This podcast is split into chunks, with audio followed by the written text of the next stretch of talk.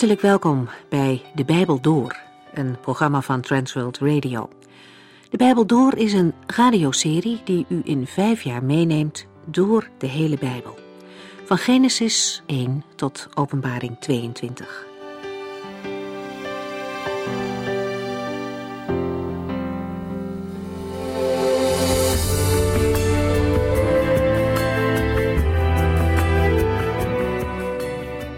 Gaan vandaag na een korte terugblik verder met Genesis 37.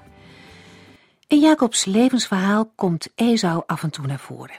Hij was niet degene die God uitgekozen had als stamvader voor zijn volk, ook al was hij de oudste zoon.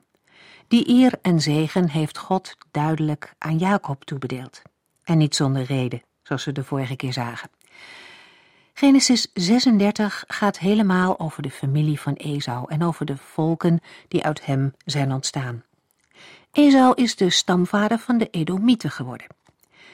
Verder in de Bijbel komen we de Edomieten hier en daar tegen. Bijvoorbeeld als Mozes met het volk Israël uit Egypte wegtrekt. De Edomieten geven hem dan geen toestemming om door hun land te trekken. Ook de profeten hebben over Edom geprofeteerd. En uit die profetieën blijkt wat het karakter van de Edomieten was. Obadja zegt van hen dat ze trots zijn, dat ze denken dat niemand hen kan bereiken. En die trots, die onafhankelijkheid is kenmerkend voor Esau en het volk dat uit hem ontstaan is. Hij redt zichzelf wel, heeft God niet nodig. Esau laat in zijn leven zien dat hij zijn eigen gang gaat en geen rekening houdt met God. Dat heeft wel consequenties.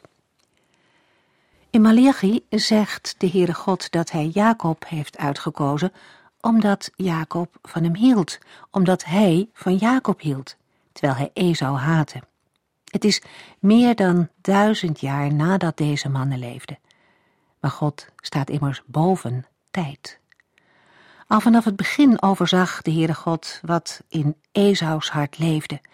Dat Esau niet wilde buigen voor God, maar trots en onafhankelijk van God zijn weg zou gaan. En in zijn voetspoor ook zijn kinderen en kleinkinderen. God zag ook Jacobs hart. Een man die aan het eind van zijn leven terugkeek en God de eer gaf met de woorden: God heeft mij mijn leven lang als een herder geleid.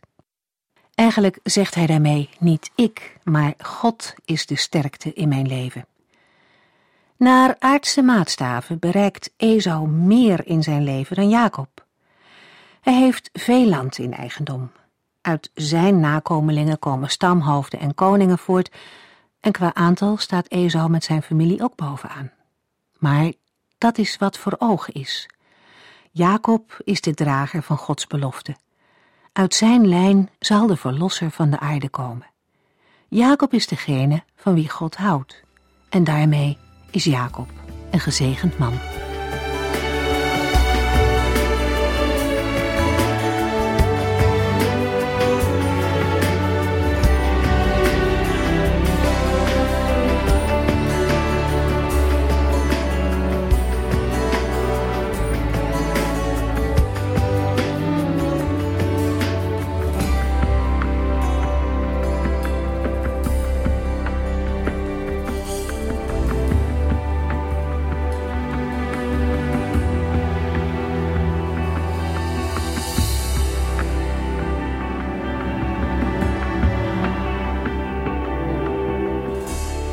Eerste vers van Genesis 37 is een overgangsvers dat de familiegeschiedenis van Esau samenvat en afsluit.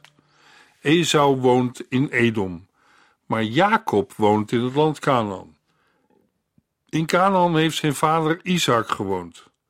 Jacob was ongeveer 76 toen hij vluchtte naar Laban en ongeveer 96 toen Jozef werd geboren en hij terugkeerde naar Canaan tellen we daar de leeftijd van Jozef bij op, volgens vers 2, 17 jaar, dan komen wij voor Jacob op een totale leeftijd van 113 jaar bij de gebeurtenissen in Genesis 37.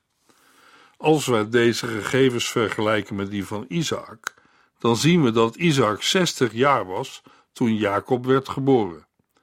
Naar Genesis 35, vers 28 stierf Isaac toen hij 180 jaar oud was.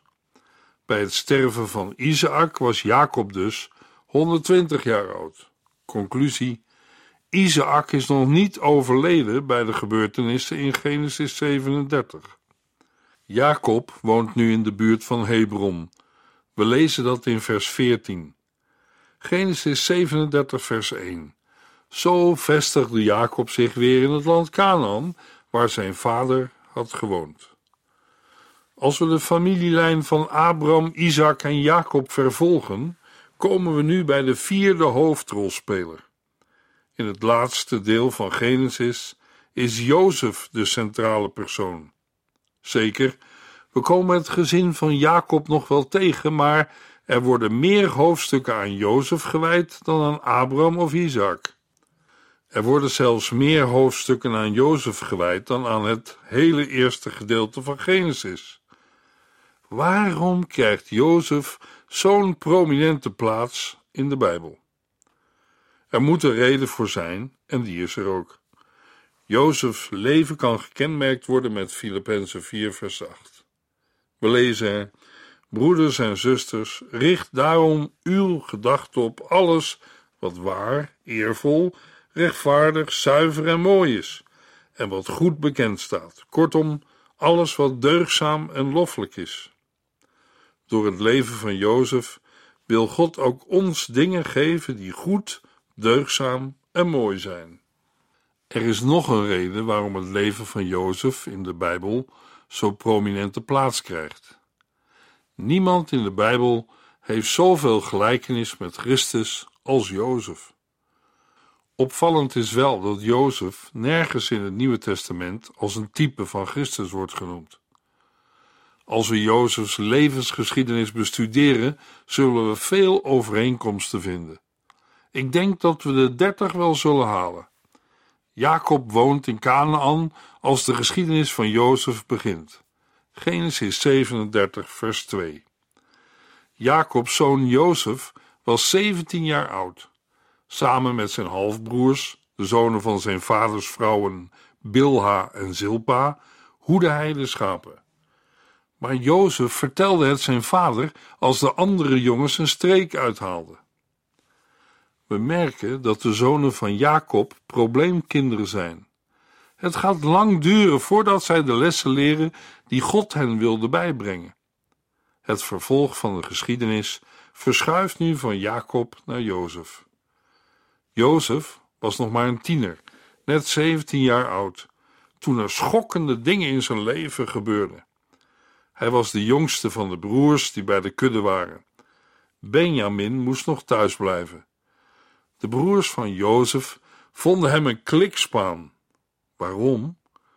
Jozef vertelde het zijn vader als de andere jongens een streek uithaalden.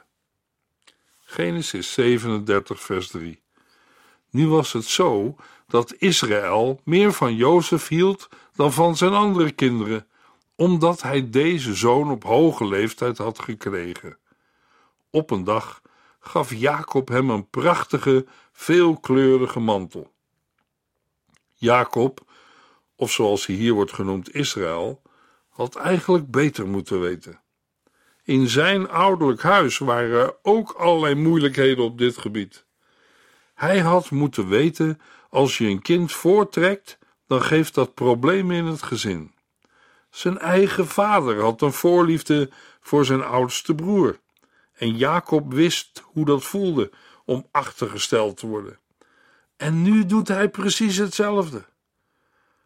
We begrijpen zijn gevoelens wel. Rachel was immers de vrouw waarvan hij het meeste hield. Zij was, menselijk gesproken, het beste wat Jacob kon overkomen. Daarnaast was Jozef voor Jacob een fijne zoon. Hij hield veel van hem. Zeker, het is allemaal waar, maar geen excuus voor de manier waarop Jacob handelt. Hij had die veelkleurige mantel niet moeten laten maken voor Jozef. De vertaling veelkleurig gaat terug op de Griekse vertaling van het Oude Testament. Een vergelijking met verwante Semitische woorden en een later Aramees woord dat palm van de hand of voedsel betekent, zou meer wijzen op een prachtig lang gewaad met mouwen, dat tot aan de voetzool reikt. In die tijd bestonden mantels uit één stuk stof, een lap van ongeveer drie meter lang. In het midden van die lap maakte men een opening waar het hoofd doorheen kon. De ene helft van de lap stof hing dan op iemands rug en het andere deel over zijn buik. Met een koord om het middel, een soort riem, werd dan alles bij elkaar gehouden. Soms werden de zijnaden aan elkaar genaaid en deze mantels hadden geen mouwen. De veelkleurige mantel die Jozef van Jacob kreeg, was dus een erg bijzonder en mooi geschenk. Het maakte van Jozef een buitenbeentje. Genesis 37, vers 4. Zijn broers hadden al lang ontdekt dat Jozef de lieveling van hun vader was. En daarom haatten ze hem. Er kon geen vriendelijk woord voor hun broer af. Jozefs broers haatten hem omdat hij de lieveling van zijn vader was. Ze konden het niet opbrengen om zonder ruzie met hem om te gaan en te praten. De gezinsproblemen in de tenten van Jacob nemen toe. Zulke situaties zijn er vandaag ook. Het maakt niet uit om welke familie het gaat, het is overal gelijk. Zonde maakt een gezin kapot. Zonde maakt levens en families kapot. We kunnen de cirkel nog ruimer maken en uitbreiden tot groepen en volken. Zonde zaait verderf in kleine en grote verbanden en gemeenschappen. Hier zien we Jozef in een positie waar hij zelf niet voor kiest. Zijn vader discrimineert hem op een positieve manier. Jacob trekt Jozef voor uit liefde, maar zijn broers haten hem en discrimineren hem. Genesis 37, vers 5 en 6. Op een nacht had Jozef een droom, die hij prompt aan zijn broers vertelde. Zo maakte hij zich nog meer gehaat. Moet je luisteren, kondigde hij trots aan. Hoe is het gedrag van Jozef te verklaren? Waarom ging hij naar zijn vader om zijn broers te verklikken? Hij wist toch dat het nog meer kwaad bloed zou zetten bij zijn broers? Ik ben bang dat Jozef een nogal naïeve jongen was. Het kostte Jozef nogal wat tijd om te ontdekken hoe de wereld echt in elkaar zat. In het vervolg van zijn leven heeft Jozef het geleerd. Geleerd hoe de wereld en de mensen in elkaar zitten. Er is niemand die goed doet. Maar hier had Jozef het nog niet geleerd. Dat kwam pas later. Jozef is heel beschermd opgegroeid. Zijn vader richtte al zijn liefde op zijn moeder. Met Rachel was het voor Jacob liefde op het eerste gezicht. Tot over zijn oren was hij verliefd op Rachel. Hij had veertien jaar voor haar gewerkt. Daarna zijn er nog heel wat jaren voorbij gegaan voordat Rachel haar eerste kind kreeg. Uiteindelijk werd Jozef geboren. Dat moet geweldig zijn geweest voor Jacob. Rachel is er niet meer. Nu richt Jacob al zijn liefde op haar zoon, Jozef. Jacob laat overduidelijk blijken dat hij het meeste van Jozef houdt en hem bij alle dingen de hand boven het hoofd houdt. Dat had hij niet zo moeten doen. Jacob heeft nog meer zonen om op te voeden. Genesis 37, vers 7 en 8. We waren met z'n allen op het land schoven aan het binden.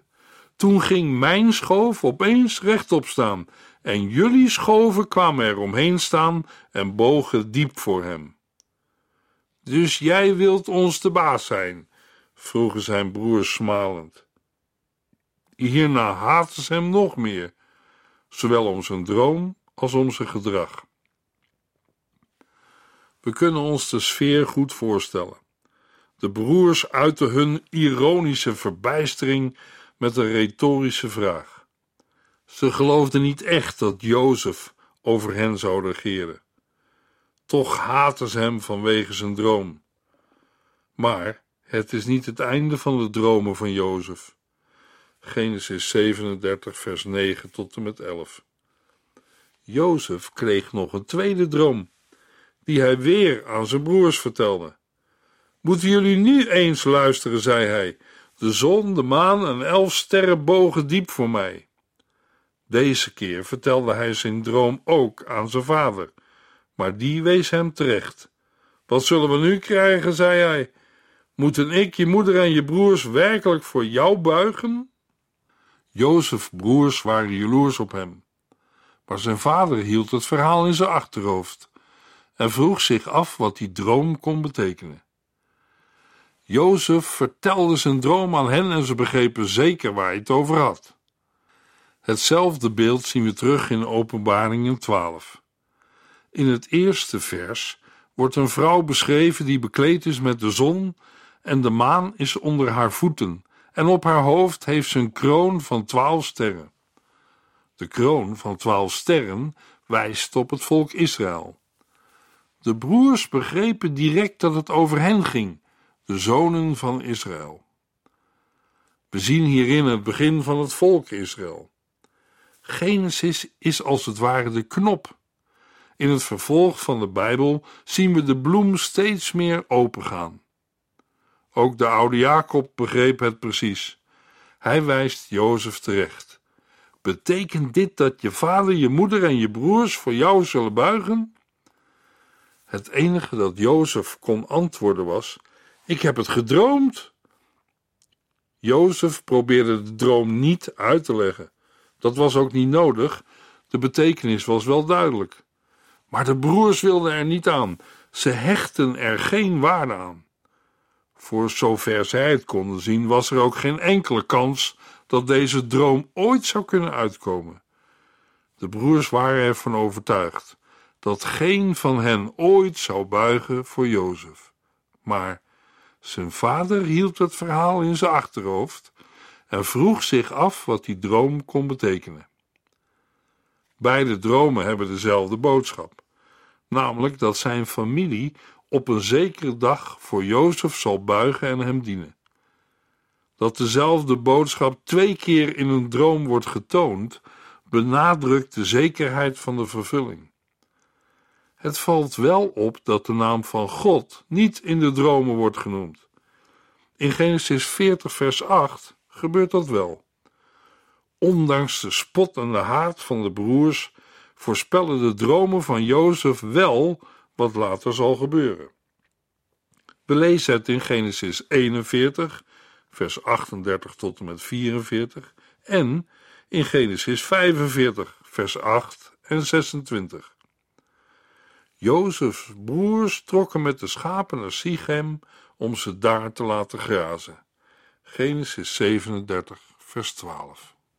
Jacob en zijn familie woonden in de omgeving van Hebron. Dat ligt ruim 30 kilometer ten zuiden van Jeruzalem. Sichem ligt net zo ver weg, maar dan ten noorden van Jeruzalem. Jozefs broers lieten de schapen een heel eind van huis grazen. In dat grote gebied trokken ze met hun schapen rond. Genesis 37, vers 13 en 14. Enkele dagen later riep Israël Jozef bij zich en zei: Je broers laten de schapen bij Sichem grazen. Ik wil graag dat je erheen gaat om te kijken hoe het met hen en de schapen is. Daarna moet je het mij komen vertellen. Dat zal ik doen, zei Jozef. En hij reisde vanuit het dal van Hebron naar Sichem. Jozef ging.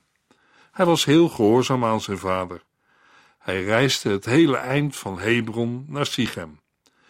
Toen hij in de buurt van Sichem kwam, begon hij om zich heen te kijken of hij zijn broers ook ergens zag. Maar het was een ruw terrein, hij zag ze nergens. Genesis 37, vers 15. Toen hij door de velden zwierf op zoek naar zijn broers, zag een man hem en vroeg: Wie zoek je? Ik kan me voorstellen dat de man Jozef al een paar keer had gezien. Daarom vraagt hij naar wie Jozef op zoek is. Genesis 37, vers 16 en 17. Ik zoek mijn broers en de schapen, gaf Jozef als antwoord. Heb u ze soms gezien? Jazeker, zei de man, maar ze zijn hier niet meer. Ik hoorde hen zeggen dat ze naar Dothan gingen. Jozef volgde zijn broers naar Dothan en vond hen daar. Dothan ligt nog een heel eind, ruim 20 kilometer, ten noorden van Sichem, het huidige Nablus.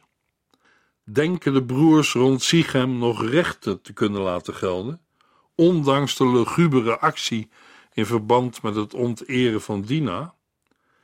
Het zou ook de reden kunnen zijn waarom Jacob zich ongerust maakt over het welzijn van zijn zoons.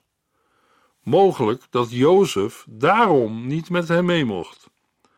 Het kan ook zijn dat de broers Jozef helemaal niet mee wilden hebben. In de buurt van Sichem dwaalt Jozef rond, zonder zijn broers aan te treffen. Een onbekende man vertelt Jozef dat zijn broers verder naar het noorden zijn getrokken. Jozef reist verder en vindt zijn broers in Dothan. Genesis 37, vers 18 tot en met 20. Maar toen ze hem zagen aankomen, besloten ze hem te doden. Kijk, daar komt die grote dromer aan, riepen ze. Vooruit, laten we hem doden en dan in de waterput gooien. We kunnen vader vertellen dat een wild dier hem heeft opgegeten. Eens zien wat er van zijn mooie dromen terechtkomt. Wat haten de broers Jozef. Ze zijn waarschijnlijk zo 150 kilometer van huis en zeggen sarcastisch tegen elkaar: Daar komt de meester dromer aan. Het laat zien dat ze zich het meest geërgerd hebben aan de dromen van Jozef. Laten we proberen van hem af te komen, dan zullen we eens zien wat er van zo'n dromer terechtkomt. Door Jozef te doden wilden de broers bewijzen dat Jozef dromen niet uitkomen. Wie het plan bedacht heeft, wordt niet gezegd. Maar uit het verleden weten we dat de oom Esau ook een plan had gemaakt om hun vader Jacob te vermoorden. Jozef nadert zijn broers. Hij weet niets van het complot dat ze tegen hem smeden. Hij loopt er met zijn veelkleurige mantel. Het laat de uitzonderingspositie van Jozef duidelijk zien. Jozef was jonger, maar aan zijn kleren te zien lijkt hij een positie boven die van zijn broers in te nemen. De haat overheerst en mondt uit in een voorstel tot moord. Ruben weet zich echter verantwoordelijk voor zijn halfbroer en probeert de moord op Jozef te voorkomen. Ruben is zijn positie als eerstgeborene al kwijt. Toch komt hij hier positief tevoorschijn. Zijn rechtvaardigheidsgevoel is beter ontwikkeld dan dat van de anderen.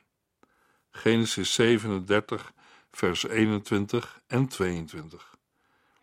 Maar Ruben voelde daar niets voor en zei: Laten we hem niet doden. We mogen geen bloed vergieten. We kunnen hem beter levend in een waterput gooien. Dan hoeven wij onze handen niet vuil te maken. Ruben wilde Jozef later uit de put halen en hem terugbrengen bij zijn vader. Luisteraars, voor ik verder ga met de geschiedenis van Jozef, wil ik uw aandacht vragen voor de overeenkomsten die er liggen tussen de Heer Jezus Christus en Jozef. Deze analogie tussen Jezus en Jozef mag u niet missen. Als eerste is er een overeenkomst met betrekking tot de geboorte. De geboorte van Jozef was een wonder.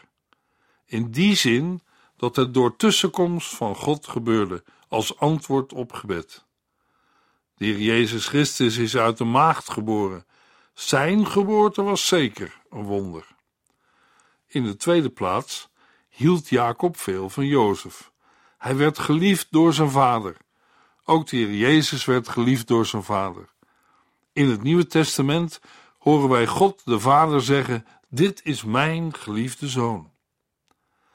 Met het schenken van de veelkleurige mantel werd Jozef apart gezet van de andere broers. Ook Christus is apart gezet. Hij was afgezonderd van de zondaars. Naar aanleiding van zijn dromen kondigde Jozef aan dat hij zou regeren over zijn broers. Jozef broers maakten zijn boodschap belachelijk. De Heer Jezus kwam als de Messias. Ook hij werd bespot om zijn boodschap. Bovenaan het kruis spijkerden mensen nog een bordje met de tekst: Dit is Jezus, de koning van de Joden. Jozef was door zijn vader naar zijn broers gezonden. Ook de hemelse vader heeft zijn zoon Jezus naar de zijnen gezonden. Zijn broers, immers, Jezus Christus kwam in de eerste plaats voor de verloren schapen van het huis Israëls. En tenslotte, Jozef werd zonder reden gehaat door zijn broers. Vader Jacob had hem die uitzonderingspositie gegeven. Ook de Heer Jezus werd zonder reden door de zijnen, zijn broers, gehaat. Ik wil afsluiten met een oud gedicht van Nicolaas Beets. Het is te vinden in de bundel Gemengde Gedichten nummer 9. Beets heeft langere gedichten geschreven dan dit gedicht van twee coupletten. In het eerste couplet wordt bondig het begin van Jozefs levensloop getekend. In het tweede couplet spreekt de dichter Jozef rechtstreeks aan alsof hij zijn tijdgenoot was. Dat past in de stijl van de 19e eeuw, de tijd waarin de dichter zelf leefde. Als toehoorder sta je oog in oog met Jozef. Dat maakt het heel direct. Jozef, de jongeling die naar Dothan toog, om broederen op te zoeken wier haat en nijd hem tegenvloog, met smalen en vervloeken, toog toch de weg der grootheid op, totdat hij op de hoogste top aan Farao, zij verheven, een volk behield bij het leven. Vrees niets, Godvruchten, van wat God gedoogt u te overkomen. Gij, volg uw plicht, hij schikt uw lot en kroont de weg der vrome. Zie hopende op, treed rustig aan, al moest het tot het uiterst gaan. En slechts een mannelijk sterven, uw troon en kroon doen erven.